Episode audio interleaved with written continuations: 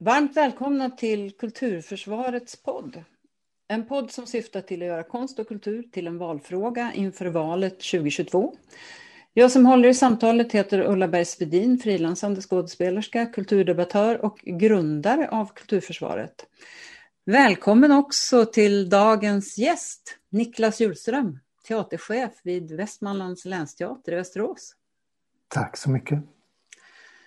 Vem är Niklas Hjulström och hur ser uppdraget för Västmanlands teater ut för de som inte känner till verksamheten?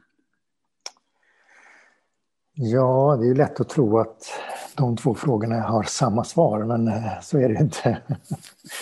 Eh, jag är en 59-årig eh, trebarnsfar som har hållit på Eh, under en massa år med att eh, fladdra mellan en massa olika saker. Mellan eh, att vara skådespelare och regissör och sångare och artist och teaterchef. Och, ja, jag, jag blandar och ger. Um, för kanske 10-12 år sedan så lämnade jag Göteborg. Uh, och Folkteatern som jag hade varit på där under en herrans massa år. Eh, både som eh, skådespelare och som regissör och som konstnärlig ledare. Eh, och flyttade till Stockholm och Stockholms stadsteater där. Där höll jag också på att fladdra mellan våningarna. Jag spelade både som skådespelare på både de minsta scenerna och förortsscenerna men jag var också regissör både inne i huset och på Parkteatern och även ensemblechef faktiskt under ett par år. Eh, tills jag fick frågan om att komma till Västmanlands teater och Västerås eh, och bli chef där. Och där har jag varit nu i, i eh, fem år och kommer att vara kvar tre år till. Och eh, det är ju en länsteater. Det vi ett kommunalförbund. Det finns lite olika konstruktioner för de här teatrarna runt om i landet. Eh, vi är ett kommunalförbund med två medlemmar, dels Västerås stad som har 49 procent och Region Västmanland som har 51 procent. Ehm, och precis som de flesta andra länsteatrar så har vi ett ganska allmänt uppdrag. Vi ska typ producera och arrangera och stödja teaterverksamhet i regionen. Ehm, vi ska ha ett speciellt eh, intresse för barn och unga. Ehm, vi har två lite speciella uppdrag och det är att vi dels ska samarbeta och stödja amatörteaterverksamheten i länet, eh, vilket är väldigt kul och viktigt. Eh, Västmanland är lite amatörteatrarnas eh, mecka i Sverige faktiskt. Mm. Vi, har, vi har ATRs huvudkontor bara 50 meter från teatern och eh, vi har en amatörteaterkonsulent som aktivt stödjer då alla dessa amatörteatrar runt om i Västmanland. Eh, och sen har vi också en konsulent som ska stödja teaterarrangörerna runt om i, i länet. Sitter ju, de är ofta huvudsakligen knutna till Riksteatern men, men vi har också en speciell då kontakt, eh, både som teater men också via vår konsulent. Eh, nej, men sen så ska vi, eh, precis som de flesta andra teatrar, eh, spela då i vårt teaterhus, spela på turné eh, och eh, samarbeta med andra kulturinstitutioner och andra fria grupper och sådär. Så, så ser vårt uppdrag ut. Sen, sen jag kom så har jag fokuserat väldigt mycket på att vi ska dels gräva där vi står. Vi ska skildra eh, Västmanland och Västerås och människorna som bor där. Eh, och jag har också försökt att, vad ska man säga, kila in teatern i det där som jag också tror att alla regioner håller på med. Man, man ska öka sitt attraktionsvärde. Men ofta så glömmer man liksom kulturen i det där. Utan det handlar om boende och arbetstillfällen och sådär. Jag försöker hela tiden påminna politiken om att eh, det andra eller tredje man letar efter, eller som man tittar på när man sitter som barnfamilj kanske och ska slå sig ner någonstans, så är det just vad finns det för kulturutbud. Så där har vi väl eh, några grundpelare som vi arbetar efter. Du, du, sa att de flesta, de flesta arrangörerna är knutna till Riksteatern, men vad är det för övriga arrangörer ni jobbar med? Sen finns det, eh, ja det finns ju bygdegårdarna och det finns eh, en, ett, ett gäng, det finns lite utställningslokaler, det finns ett, eh, ett fantastiskt museum som heter Ekomuseet som inte ligger på ett enda ställe utan det finns på ett stort antal platser i, i Västmanland med då gamla industrimiljöer framför allt. Mm. Eh, där vi gärna kommer ut och, och spelar eh, mindre föreställningar och sådär. Och sen är det ju förstås hela eh, skoldelen som, eh, där vi eh, både kommer ut och spelar på skolor men vi har också repat eh, i skolmiljö, repat i, i gymnastiksalar och haft eh, skolan då som vi har ockuperat mm. eh, som någon slags referensgrupper och, och så. Så att det, där, det finns på många olika sätt som man försöker ta det där regionala ansvaret också. Det är ganska lätt, dels för att vi har vårt hus mitt i Västerås. Eh, vår 106 år gamla byggnad. Eh, jättefin gammal teater.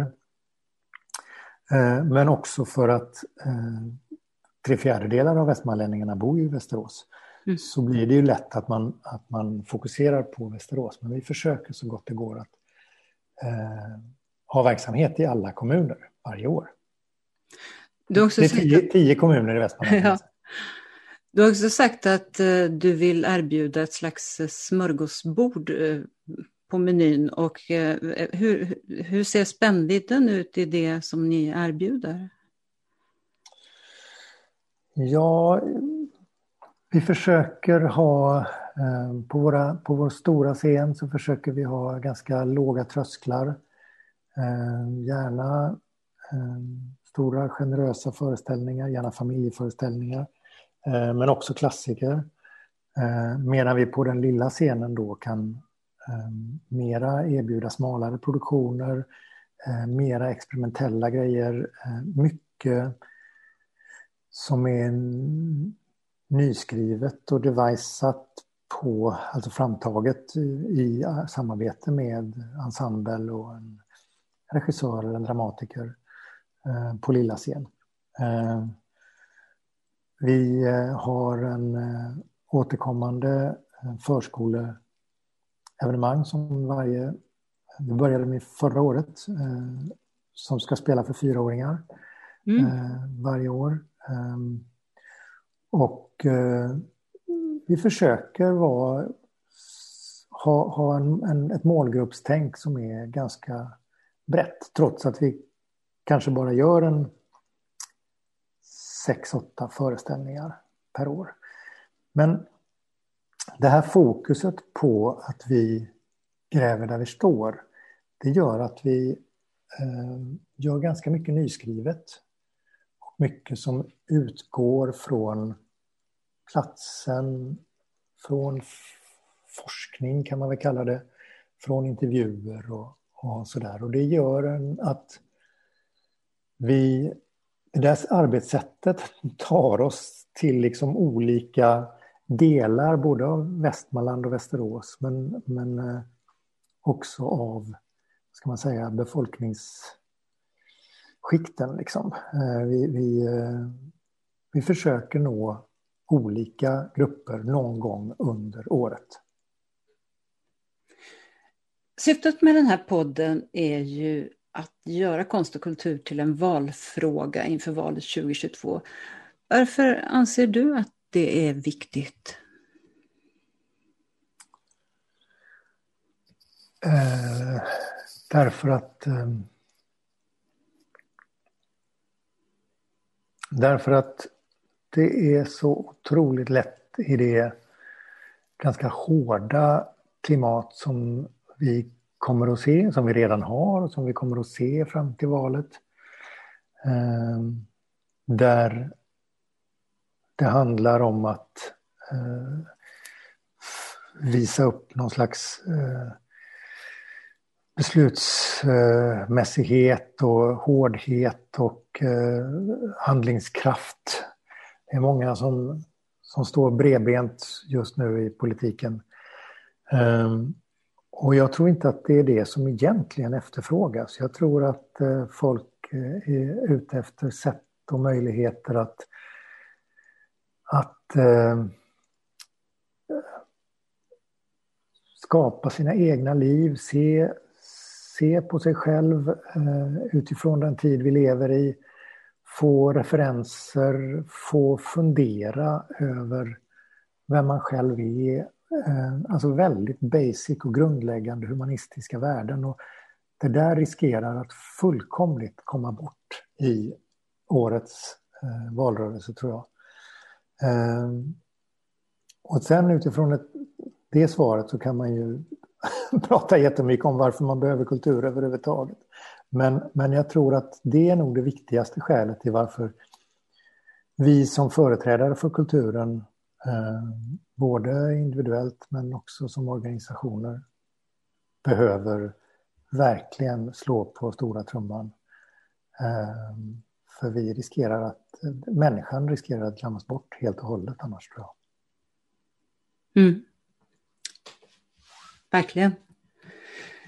Du har ju redan varit inne på det här eh, med ditt arbetssätt och det vet jag ju att du har hållit fast vid så länge du har regisserat. Hur, hur har det tagits uttryck eh, under din tid i Västerås? Kan du säga något om det? Ja, för det första så innan jag går in liksom på det de konkreta projekt och så där som vi har gjort så ja, eh, man kan ju använda kultur och scenkonst till så otroligt mycket. Eh, man kan ju påverka samhället, man kan påverka politiken. Eh, eh men jag ser ju framför allt kulturen som ett sätt att utöka sin verktygslåda som människa. Ehm, jag brukar tala om kultur eller scenkonst eller teater som, som en flygsimulator där man, liksom, man kommer in i salongen eh, och så sätter man sig, ehm, precis som i en flygsimulator. Man eh, spänner fast, nej man spänner inte fast sig, det gör man inte. Men men eh, eh, man får taxa ut långsamt, ridån går upp, eh, man startar, man eh, får vara med om den här resan då. Eh, jag har faktiskt suttit i en sån här flygsimulator en gång. Och man, det är väldigt eh, verklighetstroget. Man, man lyfter och man, man kan liksom flyga. Jag tror jag flög från Västerås till Arlanda och landade där. Man kan göra den här flygresan. Man kan det kan bli eh, dåligt väder, man kan loopa, man kan, vara på, man kan till och med krascha i marken. Men det som är bra med en flygsimulator det är att sen reser man sig upp ur den och man är helt oskadd. Precis som man har fått vara med om den här föreställningen, fått vara med om människors eh, äventyr och öden och livsval. Eh, det är bara det att du slipper ta den smällen, men du har fått med dig erfarenheten. Det är skådespelarna, de är proffs. De gör det här fyra, fem kvällar varje, varje vecka och eh, klarar av det. Eh, så de tar smällen, de står där med de stora känslorna, men de kan ändå gå hem eh, på kvällen. Och du får ta med dig de erfarenheterna. Eh, och nästa gång som du själv hamnar i de här svåra situationerna så har du faktiskt ett verktyg till. Och det där tycker jag är, det är kulturens stora, stora eh, bidrag eh, till våra liv. Oavsett om det är en bok eller en låttext. Den kan vara hur jävla banal som helst. Eh, eller en pjäs eller en film eller vad det nu är. Eh, som gör att när du hamnar i den här situationen så har du varit med om det en gång. Och när man ser på kultur på det sättet så blir det så otroligt starkt argument för en offentligt finansierad kultur. Därför att det måste vara tillgängligt för så många som det bara går att tillskansa sig den här verktygslådan. Alltså att gå genom livet utan den alls, utan möjligheten att få någon slags distans eller referens till en massa saker. Det är inte bara på individuellt plan eh, ödeläggande utan också på ett samhälleligt plan där eh, är det tillräckligt många som inte kan distansera sig och se på sig själv utifrån och referera till de här sakerna så har vi ett otroligt hårt samhälle. Eh, så det där är någon slags, det är någon slags individualpsykologiskt skäl som jag har, trots att jag är liksom fostrad på arbetarrörelsens teater nere i, i Göteborg, så, så, så, är det ändå det här sättet att, att få distans och möjlighet att betrakta sina egna liv eh, som jag tycker är det viktigaste. Så hur gör jag då det rent mm. konkret? Jo, det är ju att vi, eh, det har jag ju hållit på med ända sedan jag var på Folkteatern eller var chef på Angeredsteatern eh, i slutet på förra årtusendet. Eh, mycket ut och prata med folk, mycket intervjua, eh, mycket sätta sig in i någon annan situation och gestalta det. Eh, på Angeredsteatern så handlar det ju väldigt mycket om att ut och prata, ut och be om berättelser. Vi gjorde ju fyra, fem föreställningar där under mina tre år som byggde helt och hållet på Angeredsbornas egna berättelser och det blev ju... Eh, ja, sätter man spaden i marken i Angered så kommer man ju upp överallt i världen faktiskt. Mm. Um, och här i Västmanland så har det handlat både om historiska föreställningar, eh, intressanta historiska berättelser. Eh, men också extremt nutida. Vi gjorde en föreställning 2019 som utspelar sig, utspelade sig eh, på riktigt, eh, eller inte på riktigt, men, men den utspelade sig två veckor före premiären. Eh, en, en historia om fem personer som drogs in i ett en snurr tillsammans. Eh, en het sommar eh, 2019.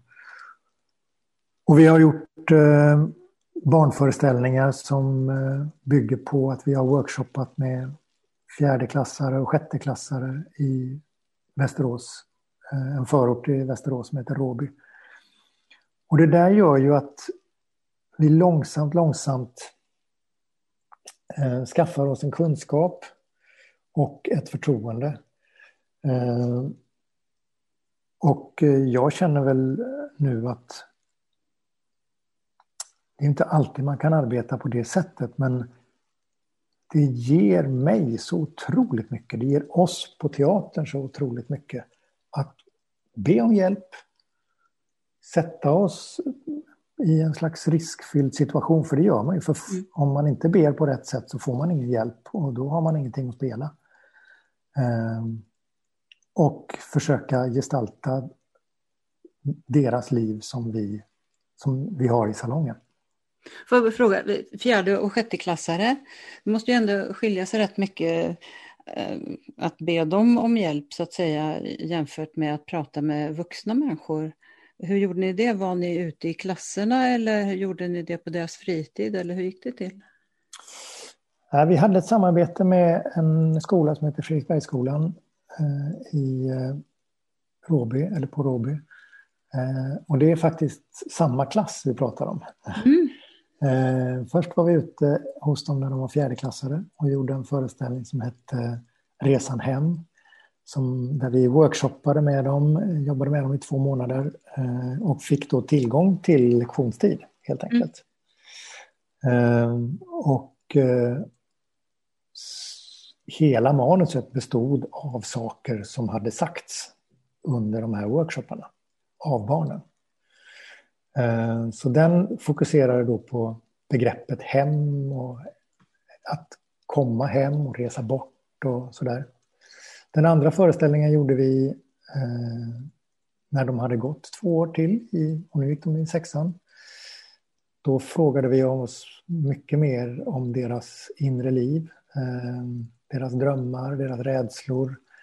Eh, så den hette den, om den första hette Resan hem så hette den här Den hemliga resan. Och vi planerar att återkomma till dem eh, 2022. Då går de i nian. Och det kommer att bli en helt annan föreställning. Men grunden för den kommer att vara samma. Att det är bara deras repliker och det de har sagt som ingår i föreställningen. Eh, det låter låter oerhört spännande. Hur har samarbetet med, så att säga, med skolan då? För det, det är ju så här man tänker. Jag, jag skulle önska att alla, alla barn, alla elever skulle få vara med om någonting sånt. Nej, det har varit eh, jättebra. Alltså, det här är ju extremt individbaserat. Det bygger ju verkligen på att man eh, eh, träffar rätt i, eh, med en lärare som är entusiastisk och, och, att skolan ställer upp på det här sättet att arbeta. Men vi har haft turen att, att äh, träffa då lärare som har tyckt att det här varit ett spännande sätt att jobba på. Äh, det har funnits, äh, det har varit alla möjliga, vi har filmat, vi har spelat in, vi har målat och lekt och dansat och allt möjligt. Sen, sen när vi väl gör föreställningen så har det varit skådespelare då som har gestaltat. Så det, det är mm. inte, det är inte barnen själva som är med. Liksom. Nej, jag förstår det. Men, men, men do, dokumenterar ni det här också på något sätt? Ja, eh, Ehm, både arbetet dokumenteras och själva föreställningarna. Eh, vi har nu två föreställningar som en av dem, undrar om inte Resan hem ligger ute på vår hemsida just nu faktiskt. Den första. Eh, därför att det är ju... Eh, det blir ju väldigt intressant att se hur tonen i manuset förändras utifrån att de här barnen blir äldre. Då. Ja. För ni någon typ av, eh, eller tänker ni er att ni ska så att säga driva det här i någon politisk form så att säga och, och diskutera det med politiker för, för, med någon tanke att uh, lär er av detta? Nej, det ingår ju i den... Vi, vi tvingas ju alltid, som alla institutioner och alla kulturaktörer, att, att motivera vår existens. Eh, så det är ju klart att, att, eh, att vi har gjort det här arbetet eh, används ju av mig hela tiden som ett argument för att eh, de ska ta kulturen på ett större allvar. Mm. Det, min känsla är ju att det görs en hel del sådana här projekt som är väldigt bra och visar sig ha goda resultat för de som deltar i dem och sen nöjer man sig med det och så alltså från politiskt håll tänker jag på, och mm. Eh, är glada och klappar folk på axeln och säger det här var fint gjort och sen så går man vidare utan att egentligen lära sig någonting av det på, på ja. ett eh, större plan. Nej men så är det ju. Eh, och det är ju klart att vi har ju inte resurser att göra någon slags undersökning av vad säg några år senare, eh, vad det här kommer att spela roll för eh, just de här eleverna. Och vi har, vi har ju ingen kontrollgrupp till exempel, där, där vi ställer frågan ni som inte varit med om det här, vad, hur, hur, har ni utvecklats? Men, men eh, utan det där får ju gå på någon slags eh, konstnärlig basis, tror jag helt enkelt. Eh, jag vet att, att eh, Bodil Malmberg som driver projektet eh, har ett flertal fokusfrågor inför arbetet 2022 där hon kommer att undersöka just hur, hur vissa av de här barnen som hon tyckte då kanske visade större intresse för det här, hur de har utvecklats och, hur, och de kommer kanske också få en, en liten större roll i den tredje avdelningen som vi gör då. Vi kommer att få lite problem eftersom efter när de kommer upp i högstadiet så splittras klassen. Vi kommer antagligen att behöva följa dem kanske lite mer som individer än som klass mm. eh, nu i tredje delen. Eh, så det ska bli, ska bli väldigt spännande. får vi prata mer om i, om några år i den här podden. I nästa podd. ja. Eh, de vuxenprojekt som du har gjort är också väldigt spännande på olika sätt. Ja, där finns det också ett, ett, en stor variation.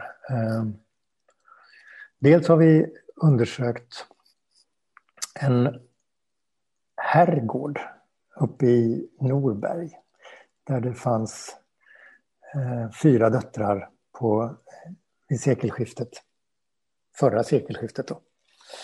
Eh, som, eh, där alla fyra döttrarna till den väldigt jovialiske och eh, profilstarke greven Hamilton eh, i Högfors. Eh, riksdagsman och landshövding och politiker och ehm, brukspatron. Dessa fyra döttrar ehm, levde sina liv och blev väldigt eh, dåliga, drabbades av psykisk ohälsa eh, efter att de hade gift sig. Och det där har vi undersökt eh, hur det kunde komma sig. Så vi har gjort pjäser om två av de här döttrarna. Eh, och det har då blivit eh, historier som inte bara har handlat om just de här eh, döttrarna Hamilton utan om Högfors som bruk, om hur arbetarna hade det där, om hur förhållandet... Det, det blev den första som vi gjorde, eh, som hette Florry, hon hette Florry Hamilton, den här tjejen, blev som en västmanländsk Fröken Julie med förhållandet mellan en, en kämpe, fackföreningskämpe och eh, Florry som då möts, deras blickar möttes genom grinden in till själva herrgården. Och sedan gjorde vi en, ytterligare en pjäs som hette En vrå i min själ som handlar om lilla systern då som mycket tragiskt sköt sig bara ett halvår efter att hon hade gift sig. Eh, och det här har då vad ska man säga, det har bidragit till att man eh, numera, jag får massor med mejl med tips på historiska eh, berättelser från Västmanland. Eh, och det har också gett ett slags eh, förtroende för oss att vi tar hand om berättelserna som vi, som vi tar oss an på ett bra sätt. Men sen har vi också gjort två föreställningar, eh, eller i alla fall en och en halv. Den ena har inte haft premiär än. Eh, dels Den stora branden som handlar om Västmanlandsbranden 2014. Som ju var... Det satte jag ju igång med direkt när jag blev chef, eller till och med innan jag blev chef jag tror första lunchen efter det att jag hade blivit utsedd av styrelsen så frågade jag styrelseordföranden, finns det, finns det någon händelse här i Västmanland som, som alla har ett förhållande till? Som man skulle kunna berätta. Och då sa han ju lite med bävan i rösten, Västmanlandsbranden 2014, då var ju den bara två år tidigare. Så det mm. var ju fortfarande ganska sårigt på många sätt. Men eh, vi började arbeta med den och 2018 hade vi premiär på Den stora branden som skildrade ett antal öden under den här branden. Och det var ju verkligen så. Alla i Västmanland hade ett förhållande till Västmanlandsbranden oavsett om man var drabbad eller inte. Mm. Och sen har vi gjort eh, precis nu i mars så hade vi internpremiär. Den riktiga premiären är skjuten på ett år på grund av pandemin. Så eh, har vi arbetat fram föreställningen Här kommer framtiden som handlar om ASEAs historia. Och ASEA har ju byggt den här stan, eh, Västerås. Och eh, det är ju inte bara en, en historia om en stad eller om ett företag utan det är faktiskt svensk industri och politisk historia. Eh, en av de allra starkaste karaktärerna under ASEAs tillblivelse eller vad ska man säga, eh, ja, under de hundra år som vi skildrar. Eh, det är ju samma man som också satte sin signatur under Saltsjöbadsavtalet 1938, Sigfrid Edström. Så att det är både lokalhistoria men också nationell och på ett sätt global industrihistoria. Ja, otroligt viktig för Sveriges eh, utveckling till välfärdsstat ju. Verkligen. Och Sveriges rykte i världen som du säger, åtminstone så här långt. Ja, och också hela den här eh, samförståndsandan, alltså Saltsjöbadsandan, den grundades ju långt tidigare. Den grundades mm. ju redan under revolutionsåret, eh, eller de åren, eh, när man då gick förhandlingsvägen snarare än konfrontationsvägen. Mm. Och där, där var ju... När man bildade då eh, Arbetsgivarföreningen och eh, LO eh, som la grunden för hela det där. Det, det, jag tror att det är nog svårt att överdriva betydelsen faktiskt för Sveriges utveckling. Ja, och, och där tänker jag också att eh, där, där fanns ju från början ändå konsten och kulturen med som en viktig utvecklingsfaktor för, för människan och människans välbefinnande och också kunskap ger makt som en viktig tes i, i arbetarrörelsens historia. Och där kan man ju undra vad som har hänt med det. Ja, verkligen. Alltså, det är ju otroligt att se de där åren i början av 1900-talet när ASEA bygger dessa gigantiska industrianläggningar. Och eh, man också bygger ett eh, elverk eh, för att få ström. Det var ju det som, som gjorde att ASEA hamnade i Västerås istället för i Arboga. Det var verkligen en sån där samförstånd mellan politiken och näringslivet. Men man byggde också en teater. Mm. Så att vi är ju... Eh, Västerås teater är ju årsbarn i princip med det, den gigantiska kontor, kontorsbyggnad som, som eh, ligger och tronar precis vid centralstationen i Västerås och som då var en av norra Europas allra största kontorsbyggnader. Eh, så att absolut, det där var viktiga saker. Mm. Ja, verkligen. Um, du var inne på det förut här med det förtroende som du känner att ni har skapat eh, i och med att ni har gjort eh, de här berättelserna. Och eh, du säger på er hemsida här också om att eh, ni bygger den här berättelsen om ASEA på magiska ögonblick, sådana som förändrar ett liv. Mm. Eh, jag tycker det, det, är, det är ändå ganska fantastiskt att få människor att, eh, att, att berätta om det, men också att själva inse att man har sådana ögonblick som är värda att berätta om. Mm. Ofta så brukar ju människor tänka att nej, nej, men det är väl inget. Jag har väl inget att berätta.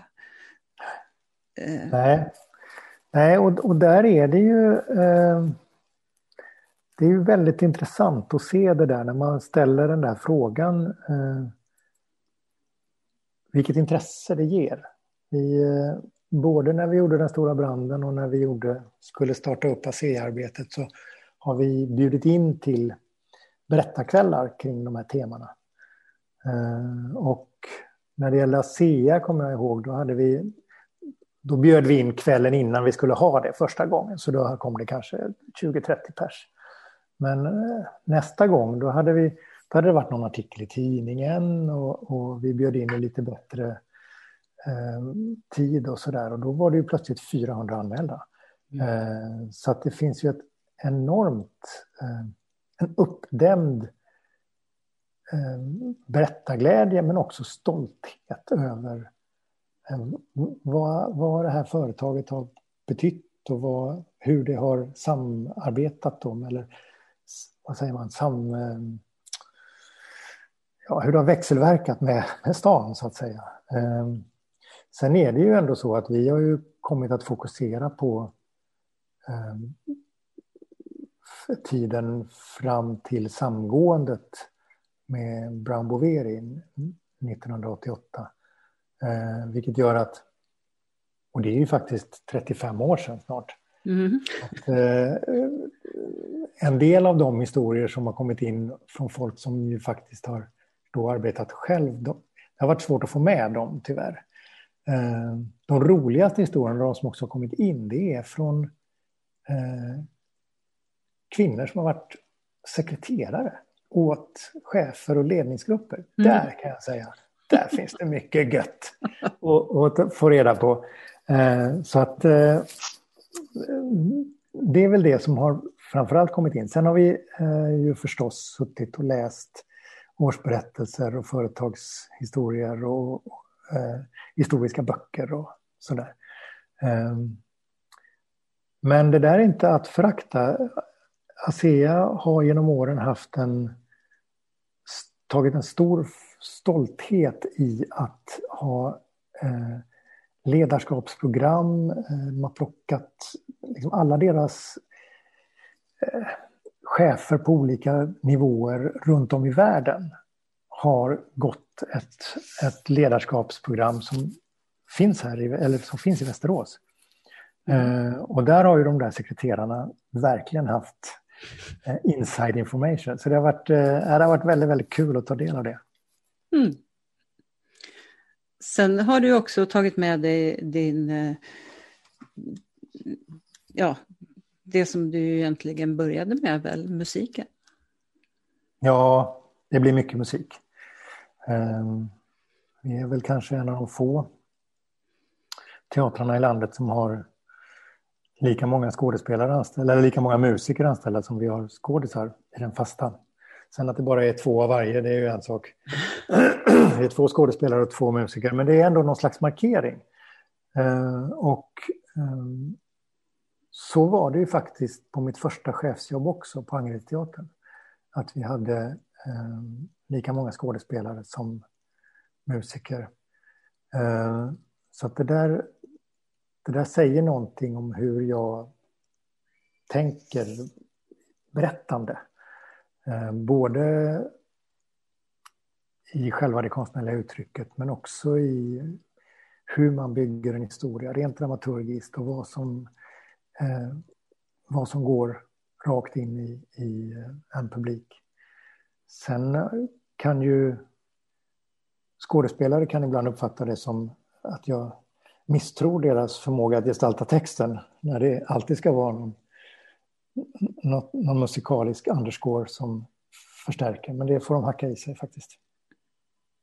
Det, det gör vi så gärna, höll jag på att säga. Jag kan bara tala för mig själv. ja.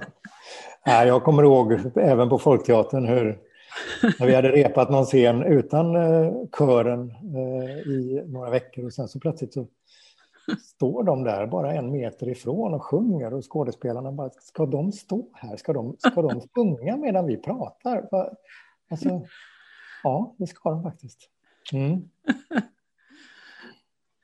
Ja, för du, för du jobbar ju inte bara med dina två musiker utan du jobbar ju också med eh, Västerås kammarkör, är det så? Mm, mm. Just det. Eh, både i, i branden och i eh, ASEA är de med. Nu har de inte varit med och repeterat än på grund av pandemin, men de kommer mm. med. eh, jo, men jag har ju ett förflutet i teater eller vad man ska säga. Jag var ju med i en ensemble som hette Sångensemblen Amanda i Göteborg som gjorde eh, stora sceniska föreställningar eh, med hjälp av körsången. Och det där eh, har jag med mig och har lite återvänt till faktiskt efter att ha varit eh, kanske mer ute och använt rena teatermusiker. Ehm, det är något otroligt med den mänskliga rösten och med ehm, den här eh, skogen av kroppar och individer som en kör utgör. Ehm, så att jag använder mig väldigt gärna av det. Men sen har vi våra egna musiker också som, som komplement och som de växelverkar med, med kören i de här två föreställningarna. Ja, körsång är väl en av Sveriges största folkrörelser också. Ja, det... och kanske mest drabbat nu under pandemin eftersom Ja, precis. Någon gick ut och sa att det var det farligaste som fanns. Precis. Vad, vad tror du att det som ni gör tillsammans med och utifrån er publiks erfarenhet, det ger på sikt för Västmanland och dess invånare? För jag menar, teater är ju ändå en, en förgänglig konstart. Ja, Um, tyvärr är det ju så. ja, alltså, den här konstarten den är hopplös på det sättet. Um, man önskar ju att man var stenhuggare eller något istället. nej, den, publiken måste ju erövras gång på gång. Man är inte bättre än sin senaste uppsättning. Eh, men så, så där tänker jag mer faktiskt att själva huset får stå för den där kontinuiteten. Vi har eh, sen jag tillträdde då 2016 så har vi jobbat för att utöka eh, vår, eh, vår service i vårt, vår jättefina teaterbistro eh, så att man också ska kunna käka innan och efter och kunna ta ett glas vin och sådär. Det var liksom första steget och nu är det uppnått. Så nu så nu kommer ju en pandemi emellan men vi har en väldigt tydlig strategi att det ska hända någonting eh, förutom föreställningarna i bistron. Eh, gärna varje dag men åtminstone flera gånger i veckan. Och det är då eh, olika typer av samtal, det är klubbar, eh, det är jazzklubbar, eh, det är dansklubbar, det är eh, talkshows. Eh, vi försöker att på det sättet nå till de grupperna som jag tycker det är ganska svårt att nå med den vanliga teatern. Eh, Västerås har ju en stor högskola, det är jättesvårt att få dit studenterna. Eh, vi vet ju att eh, barnfamiljerna är svåra att nå därför att de eh, är tufft på kvällarna och, och sådär. Eh, att, att på det sättet hitta den där lätta slinka in lösningen på, ehm, i Vistron. På, där har vi också en liten scen. Så att det är väl på det sättet som jag hoppas att man ska liksom se teatern som en naturlig plats. Eh, för det finns inte riktigt i Västerås, tycker jag. Eh, för de som är kulturintresserade och eh, eh villiga att inte bara ta en öl utan ta en öl och lyssna på något annat eller titta på något annat. Så så tänker jag. Mm. Absolut. Jag tänker på, jag har jobbat med en del såna här integrationsprojekt för nyanlända och bland annat då kom ju en hel del från Syrien. Och eh, då är det flera som berättade just hur det ser ut i, i Damaskus om man går på konsert eller teater eller någonting sånt. Och de förundrade sig över hur vi beter oss här i Sverige. Varför gör ni så att ni går på teater eller konsert och sen går ni hem? Mm. Vill inte prata Exakt. om vad ni har sett? Precis. Jo, det är klart vi vill. Ja, men varför gör ni inte det? Varför går ni inte och sätter er någonstans och pratar om det ni har sett? Det är en bra fråga. Ja. och då behöver man ju naturligtvis också möjligheten till det. Mm. Nej, men det, det, där är jättespännande och det, det är väldigt lätt att det blir eh, pretentiöst och lite uppstyrt och sådär. Att bara eh, sitta och snacka och eh, gärna då i, i eh, någon slags eh, närvaro av någon som kan mm. sätta igång ett samtal eller bidra med, med kunskap eller input på något sätt. Det är ju jättespännande. Vi ja. håller på att skissa på det nu inför eh, vi ska göra Schaeffers eh, Amadeus i höst. Mm. Eh, och att just jag kan tänka mig att en sån pjäs väcker den där frågan. Var det så där? Var det det som hände egentligen? Ja, alltså den där skärningspunkten mellan, mellan dikt och verklighet. Eh, som ju vi har hållit på med jättemycket i och med att vi bygger på saker och ting från Västmanland. Här får vi liksom en annan ingång på den frågan. Eh, som jag tycker, det skulle vara kul om folk satt kvar i bistron och snackade om det. Ja, det är fantastiskt att få, få den där feedbacken som inte är att man ska stå och, och, och, och liksom folk ska säga tack så mycket, det var väldigt fint, utan att man mm. får ett naturligt samtal. Ja, och det är på det sättet som det kan bli den där flygsimulatorn kan jag tänka. Mm. Att man, man får chansen att fundera på vad var det som hände egentligen och hur kan det här relatera till mitt eget liv? Mm. Um, ja, ett eftersnack helt enkelt. Precis. Ni gör ju precis som alla andra nu och ger digitaliserade föreställningar och till och med kör hem soppa till, till folk på er soppteater. Det är fantastiskt. Är det något ni kommer fortsätta med även efter pandemin? Inte köra hem soppa kanske, men, men just att ge digitaliserade föreställningar?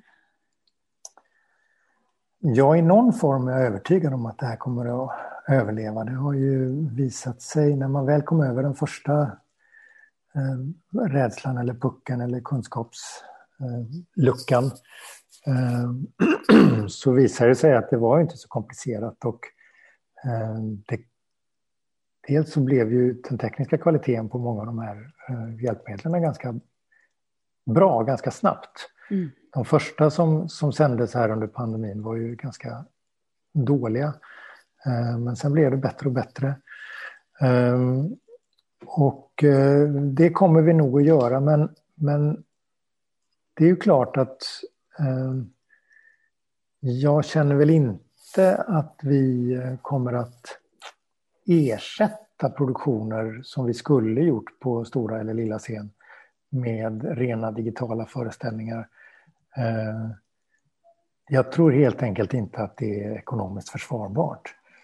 Eh, och dessutom så finns det ju fortfarande avtalsmässiga hinder för detta. Eh, kanske inte just nu under pandemin, men vi ser ju inte, vi vet ju inte vart det tar vägen efter pandemin. För det finns väl någonting som heter efter pandemin, hoppas jag. Vi, vi satsar på det tycker jag. Ja. Ska försöka att avrunda detta trevliga samtal. Eh, och då tänkte jag att jag skulle fråga dig på vilket sätt och av vilka anser du att konst och kulturpolitiken bör debatteras inför valet 2022? Så att eh, det som står i alla de här vackra kulturplanerna blir tydligt. Att konst och kultur är viktigt för både samhälle och medborgare.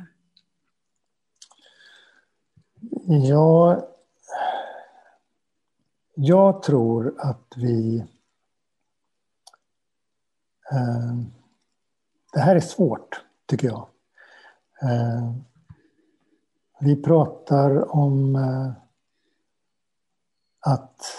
Eh, ja, vi pratar om armlängds avstånd och vi, vi pratar om att vi ska eh, hävda kulturens suveränitet på någon slags humanistisk grund. Och, och, eh, och vi vet också att det där riskerar ju att slå tillbaka på oss själva. Ehm, så att därför tror jag att väldigt, det är otroligt viktigt att den argumentation som vi för för att ge kulturen en, en viktig plats i samhället även efter valet. Eh, att den baseras på att kulturen ska vara på humanistisk grund och den ska bygga på de här grundvärdena, alla människors lika värde och eh, respekt mellan människor och så. Och att det inte är en åsikt. Utan det är grundpelare, inte bara för demokratin utan för att vi ska kunna kalla oss civiliserade. Eh, man börjar ju tvivla på att de där grundvärdena eh, kommer att fortsätta vara grundvärden. Ehm, men det måste vi göra. Vi, vi, måste, eh, vi måste se det som att vi har nått det här samhället. Den här, vad ska man säga, ehm,